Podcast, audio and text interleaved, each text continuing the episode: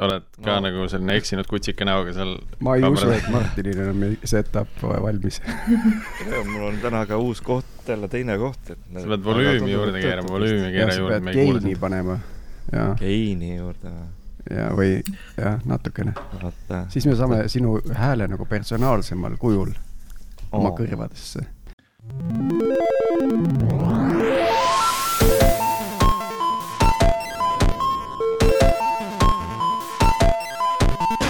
Tere taas Algorütmi kuulama, eetris on meie saja üheksakümne viies episood äh, ja üle pika aja räägime IT-teemalisest haridusest. Äh, täna on külas meil Koodi Jõhvi koolijuht Karin Künnapas ja lausa kaks edukat vilistlast, äh, Viktor Veertee ja Emil Varn ähm,. oi, see perekonnanimi on pikem hoopis. Sorry, see on minu Taipo Martin ja, ja. Pärnu Masing. Pärnu Masing hoopis just siin pildi peal ma näen õigesti. ai, kes need notes'id tegi, ma ei tea. mina tegin, võtan omaks äh, igatahes eelmine kord äh, oli episood äh, meil juba peaaegu kaks aastat tagasi, oli oktoober kakskümmend üks. Äh, ja siis ei olnud veel vilistlasi ega ka isegi õppehoonet et äh, nüüd täna saame uurida, et äh, mis siis on nagu selle aja sees juhtunud. Äh, õppehoone on, juba paar vilistlast on ka. Ähm, kuidas teil läheb alustame Karinist. sellest räägimegi ma arvan, et meil läheb väga tegusalt, et sellest tõesti, et võrreldes sellega, kui kaks aastat tagasi rääkisime, on ikka väga palju asju muutunud, nagu sa mainisid, et meil on koolihoone valmis saanud, et nüüd saab Jõhvis täitsa külla tulla ja kui Jõhvis sõita, siis on kaugelt näha selline suur valge hoone, kus on ilusasti kood Jõhvi kirjad peal. Äh, meil on nüüd juba kaks lendu õppimas ja tegelikult hetkel tegeleme ka kolmanda lennu värbamisega ja need äh, kandideerimiste katsed on juba päris edukalt läinud. ja ma arvan tõesti, et see, mille üle meil on kõige parem meel, on see, et esimesed õppijad on juba ka programmi läbinud ja tegelikult ka tööturule sisenenud. Ja nice. mõlemad on meil äh, täna siis ka saates. just. mõlemad lõpetajad või? lõpetajaid on õppe rohkem ikka, aga ainult nemad. mõlemast lennust üks jaa äh, aga kas äh, rahaliselt olete plussis juba? Startup nagu te olete, siis on, ma arvan, sobilik küsimus. ma arvan, et rahalise poolega me endiselt veel tegeleme ja samuti ka selle ärimudeliga, et äh, on veel tegemist, ütleme nii mm. -hmm. Karin, aga paneme siis kõik kaardid lauale. õppimine on tasuline või tasuta? Äh, õppimine on tasuta, selles suhtes, et äh, et esimesele kahele lennule, aga alates kolmandast lennust tegelikult äh, rakendub meil selline sissetuleku jagamise leping, mis on tegelikult teistes riikides üsna levinud. mis tähendab seda, et kui õppijad kooli lõpetavad, hakkavad teenima rohkem kui üks koma kolm korda Eesti keskmist, siis nad hakkavad ka koolile tagasi maksma. aga see, see rakendub nüüd siis selles lennus, kes hakkab õppima septembris kaks tuhat kakskümmend kolm ah, väga huvitav, see on siis selline värk, väike feodaalkord on nagu naasmas, et väike kümnis tuleb. kümnist, kümnist. kaua siis kümnist maksma peab? Äh, põhjus on see, et äh, neil on kindel summa, mis nad peavad ära tasuma, mis hetkel on neli tuhat eurot, et siis sellel lennul, kes alustab kaks tuhat kakskümmend kolm. Mhm. aga no, et, et see on, see on nüüd selline oluline muutus sellisest esialgses tootes, kui, kui nii võib öelda selle asja kohta, et, et mis, mis veel muutunud on? Ma arvan, et me oleme tegelenud üsna palju ka õppeprogrammi enda edasiarendamisega, et ongi saada aru, et mis, mis osad seal kõige kasulikumad ja ka selle, nende pehmemate tegevustega, et selles suhtes, et üks osa on tõesti õppeprogramm, mida õppijad läbi, läbivad, aga kõik muu, et mida, mida neile juurde õpetada, et me oleme teinud erinevaid workshop'e erinevate ettevõtetega, et meie partneritega, et äh, õpetada näiteks Javat või, või muid tehnoloogiaid, mida nemad kasutavad, et nad saaks paremini aru, kuidas need ettevõtted töötavad ja läbi selle ka loodetavasti nende juurde tööle minna. Tiit, veel sinu küsimusele jätkuks, et et Karin, ma saan aru, et see mudel, kus ähm, Kood Jõhvist värvates ettevõtted siis äh, toetavad Kood Jõhvit, see mudel on endiselt alles, eks? Meil on jah, meil on partnerettevõtted, kes, äh, kes kooli toetavad, et selles suhtes rahaliselt, kuna me endiselt ei ole riiklikult toetat-, toetatav haridusasutus, et me tõesti, partnerettevõtted toetavad meid, aga selles suhtes, et äh, üks suur muudatus ongi partneritega, et kui nemad, äh, nemad värbavad, et meil eelnevalt oli selline värbamistasude süsteem, et tegelikult ja, see just. on nüüd äh, selle, nende partnertasude sees, et sellist eraldi värbamistasu tööd ei ole ja kui meie õppijad lähevad ka okay. partneritele tööle, siis nad seda, seda sissetuleku jagamise leping neile ei kehti, et tegelikult see on selline lisamotivatsioon nii partneritele värvata kui ka õppijatele minna partneritele tööle aga siis järjekordselt, et see mm. kehtib siis äh, selle, selle sügise lennust esimese lennuna ja kohe Viktor ja Emil jõuame teie muljeteni ka, ma veel uurin seda õppeprogrammi koha pealt, et kes see esialgu selle kurikulumi nagu kokku pani ja, ja kuidas see ise on muutunud siin paari aastaga? see on tegelikult meil sisse litsenseeritud õppeprogramm, et see on kokku pandud siis äh, prantslaste poolt, et see esimene versioon sellest õppeprogrammist äh, asutati rohkem kui kümme aastat tagasi, äh, on selline kool nagu nelikümmend kaks, mis siis äh, äh, alustati Pariisis ja sealt edasi arenes ongi see null üks õppeprogramm, mida meie kasutame, ja siis äh, meie praegu litsenseerime seda, aga jah, et me oleme seal programmis selles suhtes teinud juba muudatusi, et mis on need kohustuslikud osad ja kõik see, mis sinna ongi lisaks, erinevad lisategevused, et need on siis koolide enda üles ehitada, millega me siis tegelenud oleme ja, ja palju see ainepunktide või, või nagu, nagu. seal oli mingi neli miljonit XP-d oli Tiit. ahah, ahah. No seal korjad XP-sid, mitte ainepunkte. ja, ja okei okay, okay., väga hea, neli miljonit. palju siis sellise, ütleme, kuuajalise effort'iga neid XP-sid on võimalik korjata? ma pean seda laskma Viktoril Emilil vastata. okei, okei, väga hea, väga hea, jah. aa, sinna, sinna me jõuame, ma korra veel puudutan seda õppeväljundit äh, osa et see õppeväljundite list äh, progra-, õppeväljunditest siis see list programmeerimiskeeltest on, on väga, väga lai. et seal on Go, JavaScript, Rust, äh, C, C++, Ruby, PHP, Python äh,. et äh, kas, kas kogu see lai ampluaa on alles või on midagi muutunud ja, ja siis mis on, kas on ka selliseid asju, mis varem üldse õppekavas ei olnud, aga no nüüd, nüüd tegelikult kolmandasse lendu nagu tulla, tuleb juurde või lisatakse juurde. noh, ma ei tea, mis maailmas juhtub, noh, mingid ai teemad näiteks. mingid DevOpsi -hmm. asjad, infra asjad. ja põhimõtteliselt äh, neil on endiselt Go ja JavaScript on kohustuslikud moodulid, mida siis kõik õppijad läbivad aga mis ongi muudatus, on see, et äh, Rusti nad kohustuslikult enam tegema ei pea, et nad saavadki valida kas Rusti või siis mõne spetsialiseerimise mooduli. ja spetsialiseerimised näiteks on, üks moodulist on ai, on küberturvalisus, on DevOps, äh, on UX, UI, et seal tuleb need teised keeled nagu rohkem sisse. aga mida me oleme teinud, näiteks JavaScriptiga me tegime eraldi workshop'e ProExpertiga, et äh, näha on, et Eesti tööturul on tegelikult see väga vajalik programmeerimiskeel et seda siis nagu juurde õpetada või saada mingi algteadmist, et kui peaks see vaja olema, et kuidas seda nagu edasi õppima hakata. kus Java on?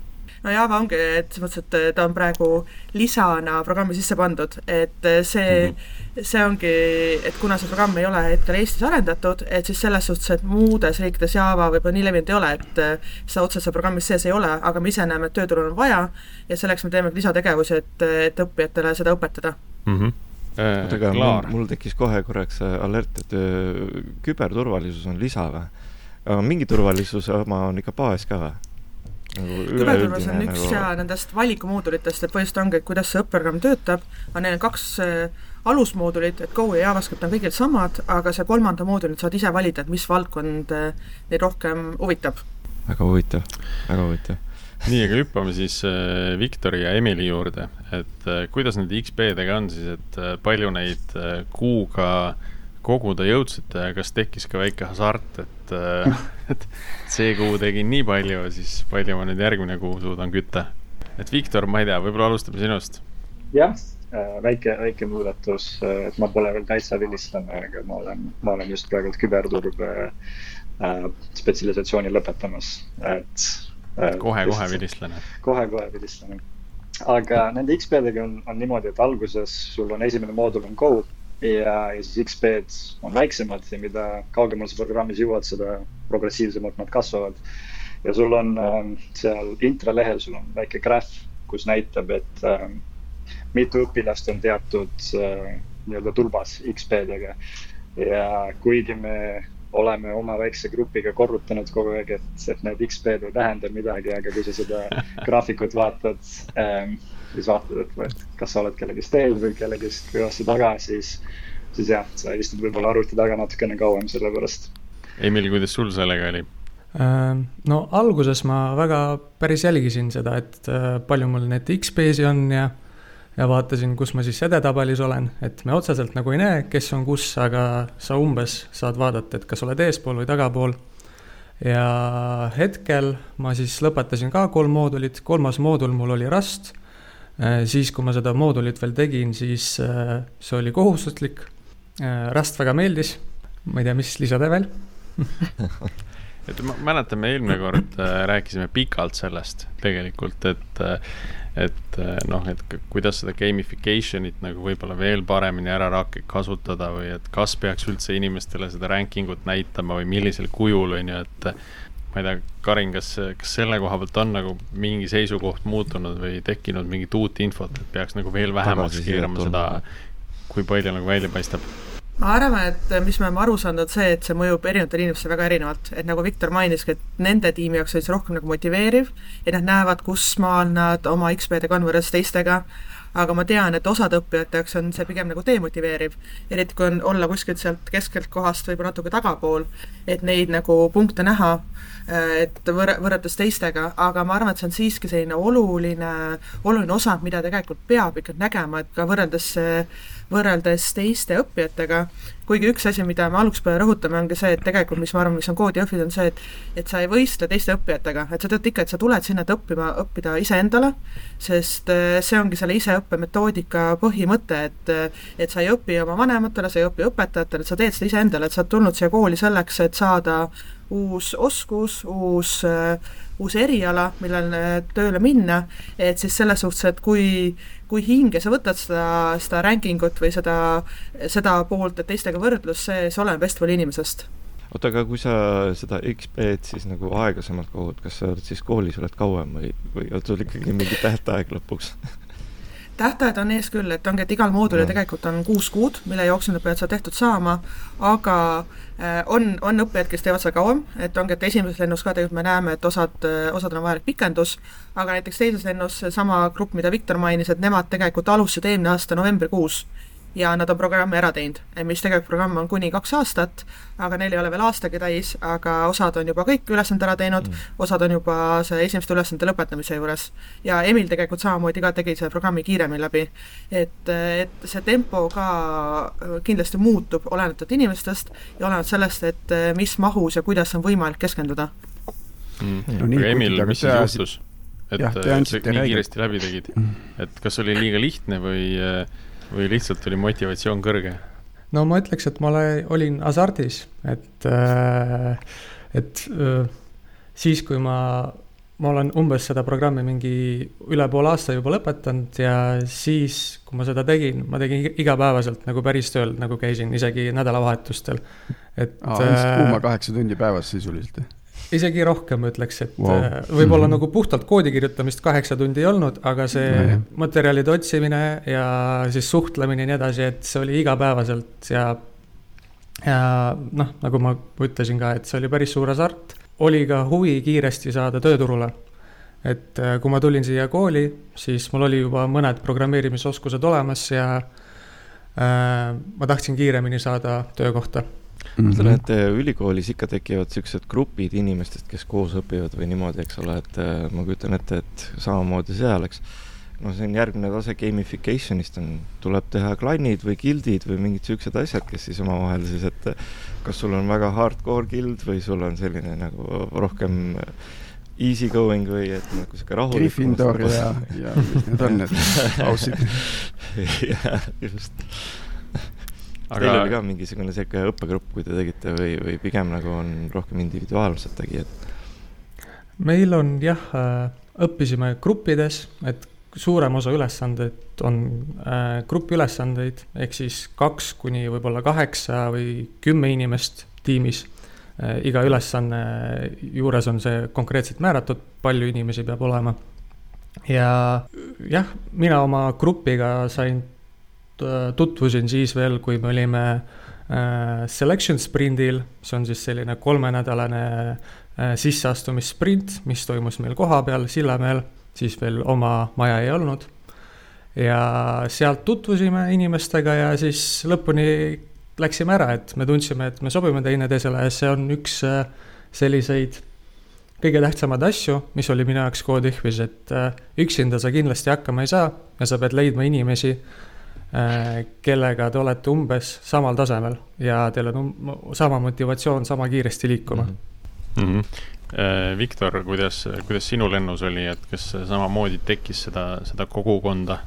jah, see grupp oma, oma nii-öelda gäng on väga-väga tähtis äh, osa selles äh, programmis, et äh, esimene nii-öelda sõber, Codeifi sõber tuli ka mul äh, sellel selection sprindil, aga siis äh, ülejäänud neljaga me kohtusime programmi jooksul. Ja sarnaselt Emilile meil kõigil oli eesmärgiks äh, läbida see programm kiiresti, aga, või noh, pigem saada teadmised kiiresti. Ja me tegime ka täispikad tööpäevad äh, õppides ja, ja siis jah, just see grupiga, et need XP-d samamoodi, kui vahepeal me vaatasime, et me mingi hetk, kui me natuke kaugemale edasi ära läksime teistest batch kahe õpilastest, siis meil hakkas natuke üksteisega võistlemine, et, et sa vaatad, et hoopis, et keegi tegi mingi optional projekti ära ja siis ta hüppas natukene ette ja siis. aga, aga jah, just see grupi teema väga-väga äh, aitab kaasa ja mõned õpilased, kes mult on küsinud, et, et kuidas, äh, mis me siis teistmoodi teeme, et me natuke kiiremini liikusime äh, programmis edasi, siis see grupp mängib väga suurt rolli, kuna kui sa leiad endale inimesed, kes on sama motiveeritud, samade eesmärkidega, siis koostöö sujub palju paremini ja kiiremini mm. -hmm. Emil, kas äh, nüüd, kui äh, õpe on pikalt selja taga, kas kontakt selle grupiga on püsinud? pigem mitte, sest minu grupiga oli see asi, et ma olen ise Tartust ja suurem osa grupist on Tallinnas.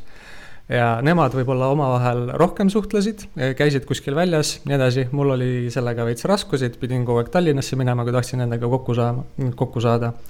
aga, aga jah, et äh, viimasel hetkel, kui me suhtlesime, oli, olidki mingid äh, kooli poolt äh, tehtud üritused, aga igapäevaselt niimoodi praegust sidet, sidet ei hoia.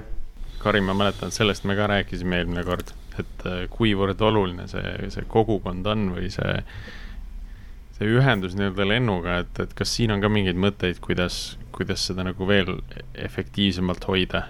ma ei tea -hmm. varsti teha mingit kokkutulekut äkki esimesed no, kolm lendu Äh, peab praegu mõtlemagi selle peale, et äh, kuidas üldse vilistusega tegelema hakata, et ongi, et mida, kuidas neid nagu toetada, et nad äh, püsiksid koos, aga mida me näeme, mis see kogukonna juures ongi hästi olulised, et saab online'is suhelda, aga need näost näkku kohtumised on meeletu olulised, et see on see tegelikult, kus tekivad need sõprussidemed, mis loodetavasti kestavad kauemini, et mida me plaanime rohkem teha, et eriti kuna meil nüüd enda Jõhvi hoone on olemas, et äh, uuele lennul teha ka mõned sellised kohustuslikud päevad, kus nad peavad kindlasti Jõhvi kohale tulema, mida me juba see aasta näiteks tegime, me tegime ka esimest häkatoni, kus tulid inimesed rohkem kohale, me tegime job fair'i, et siis see oli selline päevane üritus, kus meil oli nii konverentsiprogramm, kus meil olid ka partnerid koha peal, et ma arvan, et see oli üks su suurimaid asju, mis me praegu majas teinud oleme, aga et eesmärk ongi, et selline selge, kindel sündmuste tabe, sündmuste ajakava või plaan, et millal õppijad võiks Jõhvi tulla ja samamoodi et mõelda natuke selle peale, mida me saame teha ka teistes linnades, et kuna meil endiselt on see, et osa inimesi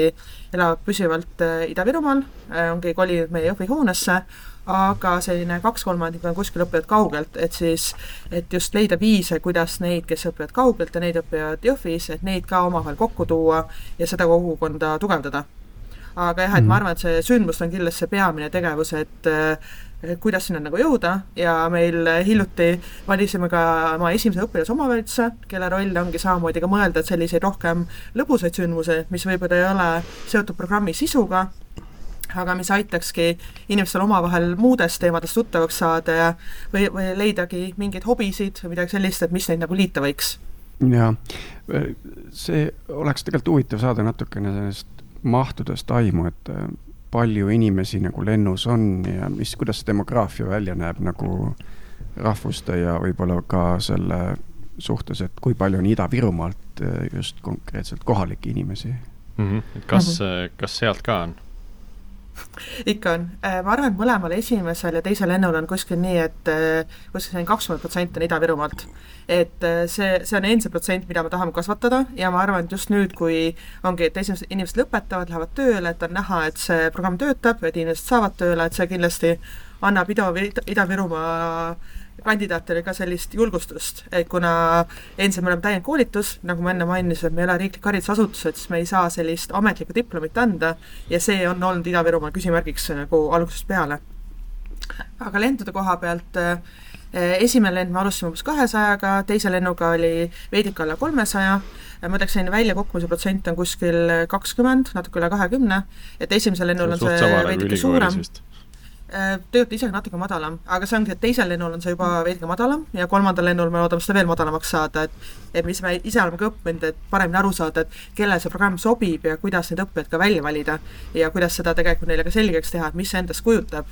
et ei ole päris see, et sa teed nagu kaks tundi päevas, et sa ikka pead keskenduma, sa pead sinna aega pühenduma, äh, et see nagu edukalt tehtud saada Äh, ja naisi on meil kuskil kakskümmend viis protsenti, et äh, kindlasti ma julgustaks kõiki tüdrukuid kandideerima, kui on huvi IT-valdkonna vastu, et tegelikult ei ole vahet, äh, kas sa oled mees või sa oled naine, et tegelikult kui huvi on, et saab selle programmiga kindlasti hakkama. ja vanuseliselt on selline kaheksateist kuni ma tean, et viimasel katseperioodil meil oli üks kuuekümne kahe aastane ja tema plaanib kooli tulla, et selline siis kaheksateist kuni kuuskümmend kaks on mõnus äh, mõnus vanuse, vanusevahemik, kust inimesi on. ja mida veel, ma arvan, et rahvuseid on kuskil selline, kes on kandideerinud, on üle kuuekümne, ma arvan, et õppimas on kuskil selline kahekümne kanti, et tegelikult äh, igast, igast põnevatest kohtadest on kuidagimoodi koodi Jõhvisse jõutud. Priit ja Tiit, kas me peaks ka nagu oma mingi õppegrupi kokku panema ja kui kiiresti me läbi teeks, mis te arvate? tegelikult me kõigepealt kandideerima. me peame kõigepealt kandideerima, ma arvan, me ei saa sissegi sinna. võikski natukene selles mõttes lahti võtta, et, et noh, Emil ütles, et ta on, tal oli varasem programmeerimiskogemus olemas, on ju. tõenäoliselt nagu puretasid sealt läbi suht lihtsalt, on ju. aga rääkige natuke, et mi-, mis see kandideerimisperioodi tegevused ja oskused on siis, mida, mis peavad juba olemas olema, et või siis äh, lisage sinna juurde ka äh,, võib-olla just adresseeriks selle Viktorile ja Emilile, et, et mis teie jaoks selle värbamise juures kõige raskem oli ja mis, mis motiveeris üldse sinna minema äh,? jah, ma võib-olla alustaks siis, et äh, kõige tähtsam os-, oskus äh, on kindlasti suhtlemine äh,. sest meil ei ole õpetajat, meil ei ole materjali ja meil on ainult inimesed, mis meid ümbritsevad ja koodi mõttes jah, ma oskasin koodida, oskasin natukene JavaScripti, front-end'i rohkemat, aga see selection sprint oli päris raske nagu minu jaoks ka, et seal olid näiteks dünaamiline programmeerimine, millega ma üldse kokku puutunud ei ole, ehk siis sellised algoritmilised task'id oota, kui te ja... ütlete, te olete mitu korda seda selection sprinti nagu maininud, see tähendabki, et äh, umbes nädal aega nagu äh, raiusite tiimiga tööd teha ja siis äh, selle pealt valite välja? Et see oli kolm nagu sprint, oli meil. kolm meil nädalat oli kolm nädalat, jah.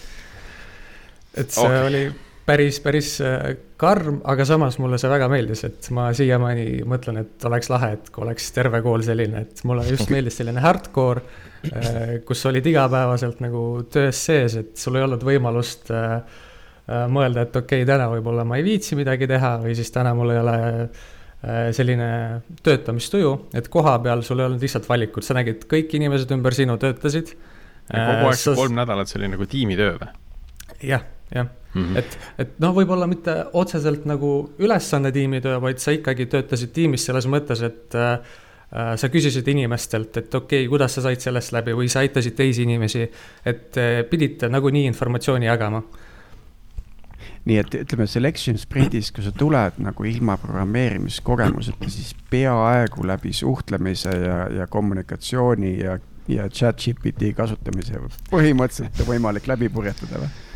no meil siis chat GPT-d ei olnud yeah., et kui meie läksime, aga jah, oli inimesi, kes üldse ei osanud progeda ja ei teadnud, mis on terminal ja mm -hmm. neid said ka hästi hakkama okay.. aga kindlasti emotsionaalselt nende jaoks on palju raskem kui inimeste jaoks, kes juba oskavad midagi. nüüd te saate juba rebastele nagu äh, äh, kuidas öelda, alt, alt üles või ülevalt alla vaadata, et oh, et teil on ikka jumala kerge, et meie aeg, vaata meie ajal, vaat siis oli alles yeah. raske neid asju teha. robotid ei teinud teie eest tööd ära, onju. aga Viktor, kuidas sinu äh, see selection sprindi kogemus oli? Ja ma võin pakkuda perspektiivi siis äh, selle poolest, kus mul ei olnud mitte mingit kogemust. Äh, mul oli karjäärivahetus ja, ja siis kui ma sain nii-öelda sprindile, siis ma tegin väikse ettevalmistuse. Äh, ma tegin mingid, ma teadsin, et see selection sprint on Golangi põhine ja siis ma tegin mingid beginners kursused ära, mis aitasid nii-öelda esimesel nädalal natukene. aga edaspidi oli kõik, oli nagu jällegi see, kogu see mõtlemisviisi muutmine, et, et mõelda, kuidas, kuidas arvutile anda juhiseid edasi niimoodi, et ta teeks seda, mis sa tahad läbi koodi. Äh, see oli, oli väga-väga huvitav ja, minu jaoks selection sprint oli super kogemus ja jällegi inimene, kes pole kunagi programmeerinud, läksid sinna ja siis mul oli vist mingi sada kakskümmend inimest seal äh,, kes, kes tahtsid samat asja põhimõtteliselt nagu mina äh,. ja seal on kõik on põhimõtteliselt individuaalne, aga kaks nädalavahetust on äh, rühmatööd. Ja siis selle, nagu Emil mainis, et, et sa teed küll individuaalselt neid ülesandeid, aga see on peaaegu et kriitiline, et sa oleksid julge küsida oma naabritelt äh, abi, et meil esimene päev, esimene tund oligi niimoodi, et me istusime ühes klassiruumis, seal, ma ei tea, kaheksa-üheksa inimest ja siis eestlastele kohaselt keegi ei, ei julgenud midagi öelda, ei suhelnud kuni lõpuks siis keegi oli, et kas keegi teab, mida üldse vaja teha on. ja siis kõik olid, aa jaa, mis asja aga see ongi. psühholoogiline eksperiment nagu natuke, et istuge siia ja vaatame, mis juhtuma hakkab. ja meil oli sama, et me istusime ruumis ja ootasime mingeid käsklusi, et keegi ütleb meile, et davai, mis me hakkame tegema ja siis mingi tund läks läbi. tuli mingi koodihvi inimene sisse, ütles, et ah, mis te istute, ülesanne on olemas nagu hakake, hakake tööle et see algusest peale valmistab sind selleks, et keegi nagu õpetaja ei aita sind, mitte keegi, välja arvatud sina ja sinu sõprade ja interneti ei anna sulle vastuseid ähm,. ja see on algusest peale ja, ja mis CodeJFi tiim ka korrutab, et see selection sprint on üks võimalus iseendale näha, kas, kas see on niisugune programm, mis sulle sobiks, kus sa pead ise vastused leidma, kus sa pead ise äh, distsipliini hoidma ja nii edasi. ja seoses GPT-ga, mis te ütlesite, siis jah, meie ajal ei olnud seda GPT-d, aga mul oli võimalus olla ise sprindi nii-öelda tuutor või technical support äh, see suvi esimesel äh, selection sprindil. ja see on siis esimene lend või esimene selection sprint, kus oli GPT kasutusel ja ma annan soovituse inimestele võib-olla, kes kaaluvad CodeIfisse minna või mis iganes, ärge kasutage GPT-d sprindi ajal, kuna okei okay,, need ülesanded lähevad läbi, mis te nädala sees teete, aga need grupiülesanded me teeme, või see tehniline tiim teeb auditeid, kus te peate lahti seletama, mida see ülesanne mm. teeb. mida need for loop'id teevad, mida need if statement'id mm -hmm. teevad ja seal oli väga-väga suur vahe äh, inimeste vahel, kes kasutasid GPT-d ja inimeste vahel, kes võib-olla noh, ikkagist kasutasid, aga saavad koodist aru. aga nad siis tegid selle vea, et nad ei palunud chat-GPT-l seda kommenteerida. Ja, aga ta ju kommenteerib seda ja ta selle ära, aga ju nad ei lugenud siis. isegi kommentidega ei saanud aru. Mm ja eksamil äh,, sul on seal kolm eksamit, eksamil sa ei saa kasutada GPT-d ja, ja eksamid on suhteliselt nagu nüüd, nad on lihtsad, tol ajal olid nad muidugi rasked, aga aga just need omal ajal, omal ajal. Mm. Need basic'id, mis sul on vaja selgeks saada, et ähm, jah, mina ütleks, et GPT nagu natukene rikkus äh, seda õppimiskogemust äh, mm. nendel sprinteritel aga no,, aga räägime sellest arvan, sisust ka, ka, mida, mida siis ehitada vaja oli, et, et see on alati tegelikult ja, nagu kas... kõige huvitavam, et üks asi, mis kas teil oli sama nagu... ülesanne üldse või oli erinev? oota, ma korra, Martin, lõpetan. et, et üks asi, mis meie ennast jube häirib, on see, et need ülesanded on ehitatud mingi täiesti mingit nagu kunstliku mingisuguse jura peale, mida seal tegelikult vaja ei ole, mis sind nagu rakendusena võib-olla üldse ei huvita, onju et, et kuidas sellest nagu üle saada, mida, mida, mis olid need ülesande sisulised nagu nagu eesmärgid um,? jah, et nagu põhimõtteliselt, kui sa programmi hakkad juba tegema, siis hästi palju ülesandeid on kontsentreeritud selle ümber, mis sul tegelikult läheb vaja äh, tulevikus tööle, aga sprindil sa põhimõtteliselt kirjutad lahti olemasolevaid ähm, nii-öelda package eid ja, ja funktsioone, et, et leida seal Fibonacci mingi number või, või siis kuidas seal võtta ruut või ruutjuur millestki ja nii edasi ähm,. ehk siis sa, sa ei kirjuta ilmselt seda, seda, neid liine tööl olles või, või oma projekti tehes tulevikus, aga, aga ta annab sulle mõista, kuidas see tegelikult käib ja inimesele, kellel polnud ennem äh, tehnilist äh, background'i, siis minu jaoks oli see nagu väga huvitav aru saada, kuidas need asjad tegelikult töötavad. ja siis nädalavahetusel on natukene sihuke suurem projekt, äh, noh, suurem ikkagist äh, jõuad ilusti ära teha. Äh, grupid on vist neljased, kus kus on see, mis sa õppisid selle nädala jooksul äh,. sa paned pead kokku ja kasutad neid täpselt samu asju, neid for loop'e, if statement eid, asju ja siis sa paned selle kokku nii-öelda ühisesse pakki. töö käib seitse päeva nädalas. Just. nagu päriselus ei, ei, ei, päriselus nii ei ole ähm,. ei, aga ikkagi, et kas teil olid nagu muidu samad ülesanded, te läksite erinevatele lendudele, aga programm iseenesest on sama sisult? jah. okei okay. et, et siis tasub äh, järgnevatel lendudel ka ühendust hoida eelnevate lendudega et. suhtlus äh, hakkab juba ka väljapoolt, eks ole, noh, et su ikka tuttavad ja tuttavad ja noh, ja nii edasi, noh. Viktor, sina, sina mainisid, et sa seal, seal osalesid selles äh, sprindis. Ehm, jah, et kui palju seda nagu tagasiside luupi on, et Karin, võib-olla sina saadki sellele vastata, et et kas see on kuidagi nagu plaanis, et noh, et kutsutakse vilistlasi tagasi, et tulge aidake nagu järgmist lendu käima panna, on ju tegelikult mida me teeme, et ongi, et kui needsamad selection sprindid või katseperioodid on, et meil on alati olemas ka tehnilised tuutorid, eh, kes ongi siis olemasolevatest õppijatest. et see oli sama roll, mida Viktor ka siis esimesel sprindil eh, kandis, aga selle mõte ongi see, et nad aitavad õppijaid, kui neil on mingid suuremad tehnilised mured, millega nad ei tohi aidata, on ülesande sisud. et selles suhtes see on ka see, et eh, seletab neile ära, et kuidas see päris õppimine käib, et ongi, et kui õppe, kui mõni kandideerija tuleb mingi ülesandega, et ah, mul kood ei tööta, siis kõige sagedasem vastus on see, et kas sa oled katsetanud seda guugeldada või kas sa küsid teiste käest, et et selles suhtes, et juba neid suunata selles suunas, et et sul ei ole, et sul ei ole õpetajad, kes sind aitavad, sa peadki inimeste käest küsima, kes sul ümberringi on ja mida tegelikult me oleme teinud ka, mis me teisel lennul tegime, kui nemad alustasid,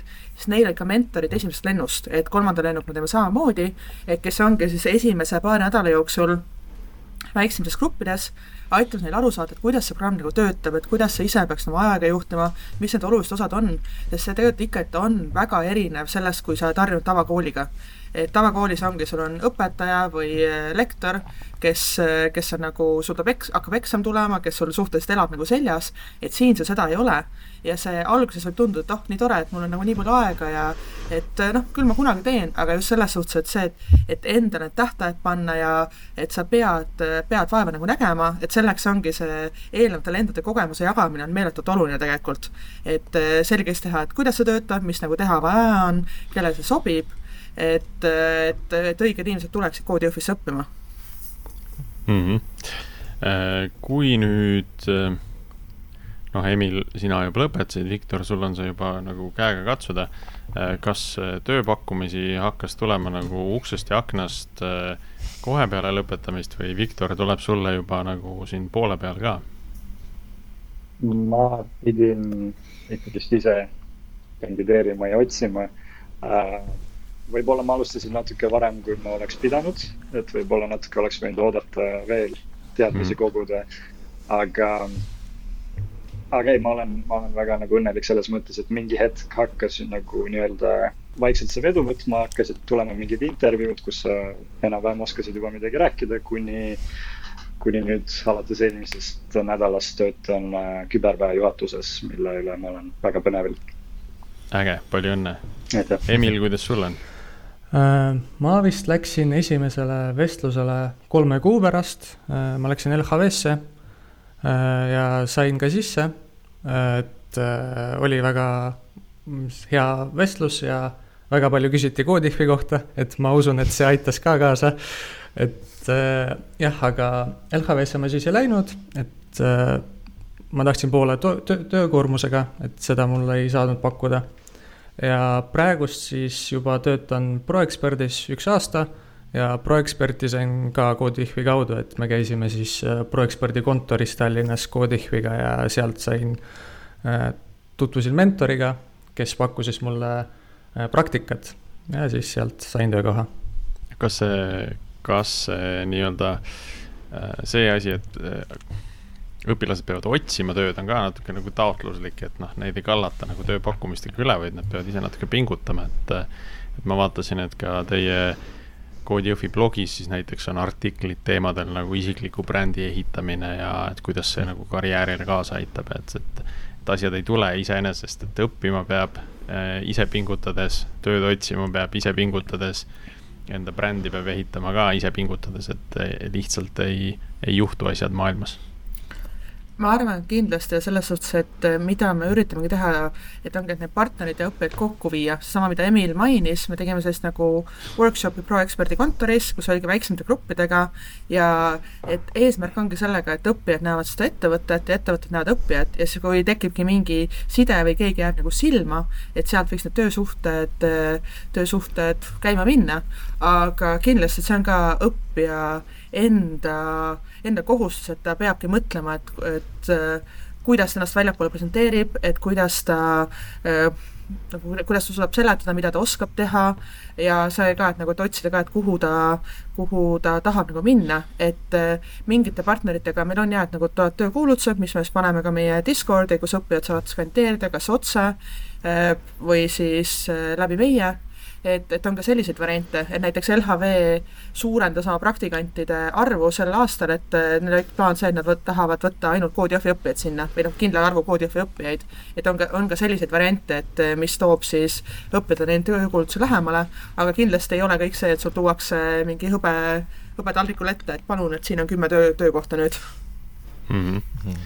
Emil, nüüd kui aastane kogemus on selja taga, et kui hästi kood Jõhvi sind ette valmistas? Äh.... kas, kas pidi tööle asudes juurde õppima äh, ja pidi palju juurde õppima või nagu enam-vähem nagu sai juba, juba nagu tööle hakata äh,? kindlasti tuli juurde õppida, et Codihvis ma siis siis kui ma tööle läksin, ma tegin ainult JavaScripti ja kood tööle asutas, asut-, hakka-, hakkasin tööd tegema siis Javas ja Java Springis, ehk siis mingi kahe nädalaga ma vaatasin mingi kiiresti Java kursuse ära, Springi kursuse ära, hakkasin seal äh, koodi kirjutama ja see läks minu arust ka väga edukalt. ja siiamaani õpin ja praegust hakkab olema ka väga palju õppimist, ma alustasin ka oma startup'i äh, ProExperdiga koostöös, et äh, õppida on alati palju ja see on see on see asi, miks ma üldse programmeerimisse läksin, et ma tahtsin sellist valdkonda, kus ma ei näe oma mingit lagi enda peal. ja mu lagi ongi siis lihtsalt mu tahtmine, et kui ma tahan, siis ma saan edasi liikuda mm. -hmm. mulle tundub, et Code Jõhvi võib-olla on väga hea nagu ikkagi selles mõttes, et kui sul on niisugune kontsentreeritult palju asju õppida see on nagu päriselus ikkagi, et siis see, see õpetab sind nagu mm -hmm. õppima. asi, mis tänapäeval kipub ka tihti ära kaduma, on see, et kuidas õppida õppima. sest õppimise protsess ise on nagu asi, mis kipub nagu vahel kaduma, eks ole. et selles mõttes on väga äge vaadata, et noh, et kui sa lähed tööle, sa tead, kuidas võtta nagu mingi see tükk ette ja endale selgeks teha, onju. et see Ma..., see on küll väga suur pluss, tähendab ja ma arvan, et programmeerimine on ka üks teema tegelikult see, et äh, mida, mida Emil ka mainis, et tegelikult äh, kui läks tööle, tuli Java ja selles mõttes neid programmeerimiskeeli on ka meeletult palju ja sa ei, sa ei suuda neid kunagi ette kõik ära õppida, et tegelikult mis selle programmi mõte on, et äh, nende samade sprintidega, et kui õppijad alustavad uue programmeerimiskeelega, neil selle keele algus ongi selline lühem paarnädala periood, mis on üsna intensiivne ja selle mõte on see, et nad saavad mingi baasalused kätte ja siis hakkavad suuremad projektid aga selle mõte olekski õpetada seda, et kui nad lähevadki tööle, tuleb uus programmeerimiskeel, et eh, nad võib-olla saavad aru, et kust nagu pihta hakata, et need uued baasid ka kätte saada, siis sealt edasi liikuda. ja jah, et ma arvan, et see programmeerimine tõesti ei ole valdkond, kus sa võid mingi hetk öelda, et okei okay,, ma tean nüüd kõike, et selles mõttes, et see areneb nii kiiresti, sa pead kogu aeg juurde õppima, et siis äh, see on nagu hästi oluline ja ma tahaks loota, et Kood Jõhvi õpetab ka sellist suhtumist, et ongi, et äh, sa tuled sinna õppima ja sa saad aru, et sa õpid ka tulevikus edasi. Karin, sa juba ütlesid, et, et seda täna käsitletakse riiklikus süsteemis kui täiendkoolitust, eks ju, et ähm, nüüd veel vaadata seda demograafiat, eks, et ma ei tea, Viktor Emil, kas teil on, oli mingi varasem diplom või mingi kraad kuskilt koolist juba all või ei olnud? mittetehniline. okei okay,, ehk siis äh, põhimõtteliselt äh, ja nüüd inimesed, kes tulevad ümber õppima, kellel on mittetehniline koolitus äh, või, või kraad kuskilt, ma ei tea, noh, ma ei tea, keeltest või kuskilt sotsiaalteadustest või, või, või kultuurikorraldusest, on ju. et siis ja nad teevad selle programmi läbi, eks ju, nad kindlasti siis saavad äh, koodijuhiga assotsieerunud ettevõtluse kaudu nagu, nagu rakenduse. Aga samas neil on ikkagi puudu see computer science masters nagu diplom, eks ju, et äh, et kuidas, kuidas see teema nagu noh, kuidas te olete seda nagu koolis üritanud äh, lahendada?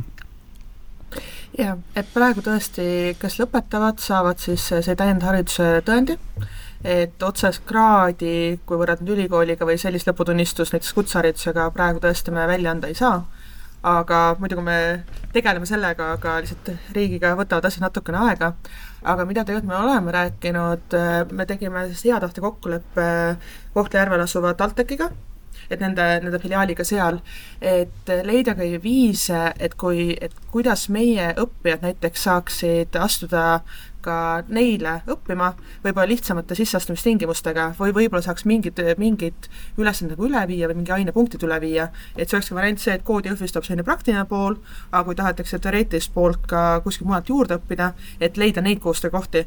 aga ma ütlen, et see on veel äh, alguses, et et otsest äh, sellist ühtset vastust, et äh, sa saad need ülesanded koodidest üle viia, saad selle eest kolmkümmend EAP-d ja lähed Tartu Ülikooli või TalTechi õppima, et sellist, sellist süsteemi meil veel ei ole mm. -hmm. ma mäletan, et mina, kui ma omal ajal käisin IT-kolledžis, siis seal oli ka, lõpptulemus ei olnud tegelikult bakalaureus, vaid oli ikkagi diplom. -hmm. nagu rakenduslik aga, äh, jah, aga õnneks see oli nagu arvestatav ikkagi samaväärne, et noh, õppemahus ja kõik see, et noh, et et äkki ikkagi koodiõhvi ka üks hetk on see saab sama, samaväärseks vähemalt no me loodame, et selles suhtes, et me siis tööandjate silmis. Jah, et me oleme Haridusministeeriumiga suhelnud, aga see ongi, et et see, eks see kõik võtab aega, eh, neid huvitab ka näha, et mis meil õpetajatest saavad, et kas nad ikka päriselt saavad tööle, kas nad saavad erialasele tööle, et kas see õpe nagu toimib, sest sellist õpet Eestis, eh, sellist programmi enne ei ole olnud, et selles suhtes, et jah, et -hmm. kõik need protsessid liiguvad, aga võib-olla liiguvad natuke aeglasemalt, kui me tahaksime aga mida nad siis ootavad et kui, kui kaua peab ennast tõestama? et eh, kaks lendu on väljas, et pal-, palju siis vaja on neid? no tegelikult praegu esimene lend sellel aastal, eh, neil saab kaks aastat täis, et esimene lend tegelikult ametlikult lõpetame nüüd, et teisel lennul on aasta rohkem aega, lihtsalt eh, Viktor ja mõned teised tahtsid palju kiiremini liikuda. aa, Viktor aga... on nii palju ees, et ta on nagu ja, aasta võrra nagu ees? jah. aga natuke nagu mõni kuu nagu nii aga jah, nagu aasta ja mõni kuu et ja noh, tegelikult Emil oli samamoodi, et nad tegi, ta, tema tegi ka kõvasti kiiremini. et ma, ma arvan, et ongi, et võib-olla selline esimene lend, võib-olla mingi aastakene veel, et järjekordselt ongi, et me jooksvalt suhtleme nendega, aga eks, eks näis, et seal ka sellist lõputähtaega praegu ma ei oska öelda mina, ma tahtsin küsida seda, et kui tähtis on üldse bakakraad Eesti tööturul näiteks, et ähm, minu perspektiivist see ei tundu nagu, aga, aga. ei tundu, ma arvan, et ja. siin on, siin on nagu ruumi meil üheks episoodiks veel. sest äh, mina kirjutasin eile äh, juhtumisi ühe äh,, ühe kutsehariduse äh,, kutseharidust omandava inimesega, kes siis äh, just kirjutas mulle, et meie peaksime ka sellest tegema episoodi. et kuidas, äh, kas täna üldse kutseharidusel on IT-s kohta? noh, ja tegelikult seda võib nagu natuke laiendada koodi Jõhvi peale. Äh, koodi Jõhvil on, noh, see mudel juba soosib seda, et inimesed saavad tööle. et see, noh mm -hmm., see on hästi nagu sinna sisse ehitatud, on ju. Äh, ja, aga samas kutseharidusel seda ei ole. ja noh kuidagi, kuidagi seda kraadi ikkagi sageli küsitakse. kas seda alati vaja on? vot, vot seda, selles ma ei ole nii kindel Äh, sama on ka näiteks riigihangetes, äh, vahel öeldakse, et ongi nõue selline, eks mm. -hmm. aga kui tiim on nagu kahekümneliikmeline, et, et kas siis nagu kõigil on vaja seda kraadi, on ju. või piisab seda, sellest, kui viieteistkümnel on see kraad näiteks olemas, on ju. et noh, tegelikult täna on mingeid projekte, kuhu me ei saagi äh, sisse panna inimesi, kellel see kraad puudub. Sellepärast, et mm. nad lihtsalt ei kvalifitseeruks äh, selle hanke nõuetega ah,. väga huvitav. ja minu teada on palgatasemed ka päris erinevad et need, kes on kutsehariduse lõpetanud ja IT-valdkonnas, kui vaadata neid keskmiseid palkas, palkasid ja kes ongi ülikoolidest, et siis seal on ikka päris suured vahed sees, kuigi inimese oskustel, teadmistel ei pruugi olla nii suured vahed sees aga kuidagimoodi endiselt seal on kahjuks selline võib-olla negatiivne ootus ja negatiivne vaade rohkem kutsehariduse poole, mis kindlasti ei ole mitte kuidagi välja teenitud. ma arvan, et see on jah, selle ettevõtte enda probleem, et kui tal ikkagi ei ole palgavahemik yeah., mis on seotud äh, inimese kogemusega, äh, siis siis jaa, isegi siis... mõnes mõttes pigem ütleks, et kutseharidus annab ju sulle nagu veidike osaliselt parema nagu, ta küll spetsiifilisem võib-olla, eks ole, on see lähenemine, aga võib-olla praktilisem lähenemine samamoodi. ja kindlasti on praktilisem, jah. ja aga noh, et siit, siit ma tahakski ühte, ühte episoodi võib-olla teha ka mm, -hmm. ka kutseharidust kaasates, et, täna me oleme siin pikalt koodi Jõhvist rääkinud ja on, on nagu selge arusaam, mis äh, mis tasemel inimesed sealt välja tulevad, mis sisu neile seal õpetatakse. Äh, me näeme ka seda Äh, millised ettevõtted neid värbavad ja kui rahul nad nende inimestega on, eks. et noh, et see on mhm. ka mingis mõttes kvaliteedimärk, eks, aga, aga no kutseharidusest me veel ei ole rääkinud, et, et see on vist kindlasti koht, mida tahaks puudus on see suur probleem, eks ju, nüüd kui ma mõtlen, et noh, koodiofi mudelil nagu õpetajaid pole, et no siis nagu ongi probleem lahendatud nagu et mida nad ootavad, et et iga lend äh, õpetab järgmise välja ja yeah see on ise, ise kasvav. omaette sihuke üllas nagu sentiment, et nagu, kuidas see inglise keeles, see pay it forward või, et nagu sa oled ise kasulik ja siis annad seda edasi.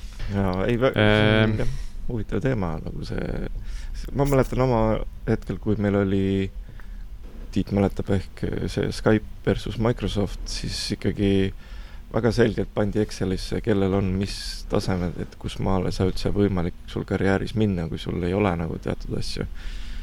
ma ei tea, kas see tänapäeval enam on, sest see oli ikkagi üle kümne aasta tagasi.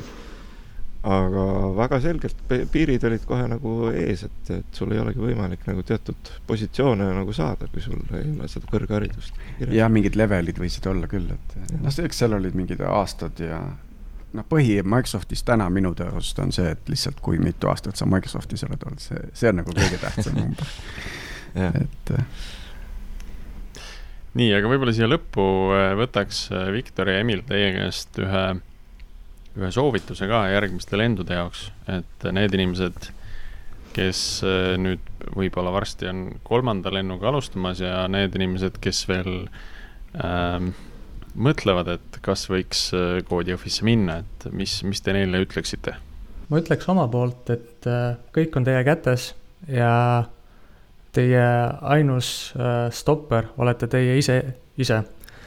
et minu puhul ma tundsin tugevat motivatsiooni ja ma tundsin, et mul on vaja sellist social lift'i, mis Codeifi minu jaoks oligi, et tänu Codeifile ma siis sain arendustööd hakata tegema ma sain äh, oma startup'i asutada ja ma usun, et inimesed, kes päriselt tahavad, kes tunnevad, et neil on äh, julgust äh, hakata midagi uut ja muutma oma elus, siis kindlasti tulge Codeifi, see minu jaoks on äh, üks kõige parimat experience'i, mis ma olen elus üldse saanud. Viktor, sõna sulle. ja mul oli ka väga positiivne kogemus Codeifiga ja nagu ma ütlesin, ma tegin karjäärivahetuse ja tahtsin IT-sse üle tulla ja ma kaalusin, kas minna ülikooli, aga siis äh, otsustasin Codeifi kasuks. ja ma olen, ma olen vähemalt väga õnnelik selle üle, kuna äh, mis ma õppisin vist seitse kuud ja sain oma esimese töö, mis on nagu põnev ja, ja siit ainult areng läheb ülesse. Uh, nii et ma väga soovitan, kui on seda tahet, kui on motivatsiooni ja distsipliini, et igal juhul uh, tasub minna sinna selection sprindile, kuna see võib-olla annab mõiste isegi, et see ei ole päris sinu jaoks ja, ja võib-olla tuleb mõelda mingite teistele teedele. aga jah, juhul kui, kui otsustada selle kasuks, siis kindlasti tehke seda enda jaoks uh, saage aru, miks te seda teete ja, ja nautige protsessi, sest äh, sest see on põnev, see on raske, see, see ei ole lihtne, aga, aga see on väga äge kogemus ja jah, et mina omalt poolt soovitaks väga. nüüd äkki üks soovitus veel, et nendele, kes on nagu võtnud siis selle lõpuks täiesti ette, eks ole, et see selection sprint on juba hakkamas. kas see on mingi ettevalmistus, mida võiks teha või mit, mida nagu ei ole mõtet teha?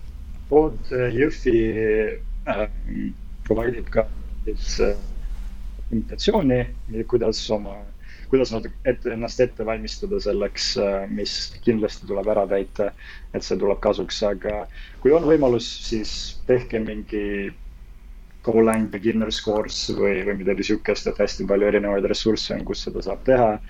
aga üldiselt äh, ilma igasuguse tehnilised äh, kogemuseta saab ka seal hakkama, lihtsalt on vaja olla õigesti meelestatud, et see, see tuleb intensiivne, see tuleb raske ja mhm. lihtsalt jah, nautida.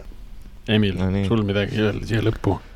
ma ei tea, kui tohib, ma siis võib-olla promoks oma startup'i, et äh, kuna ma olen juba siin, et äh, võitsin Codeifis äh, Cyber Security Hackathoni ja sealt siis sai alguse, et mis me siis teeme täpsemalt. me püüame lahendada probleemi mis on seotud siis suurte keelemudeli turvalisusega.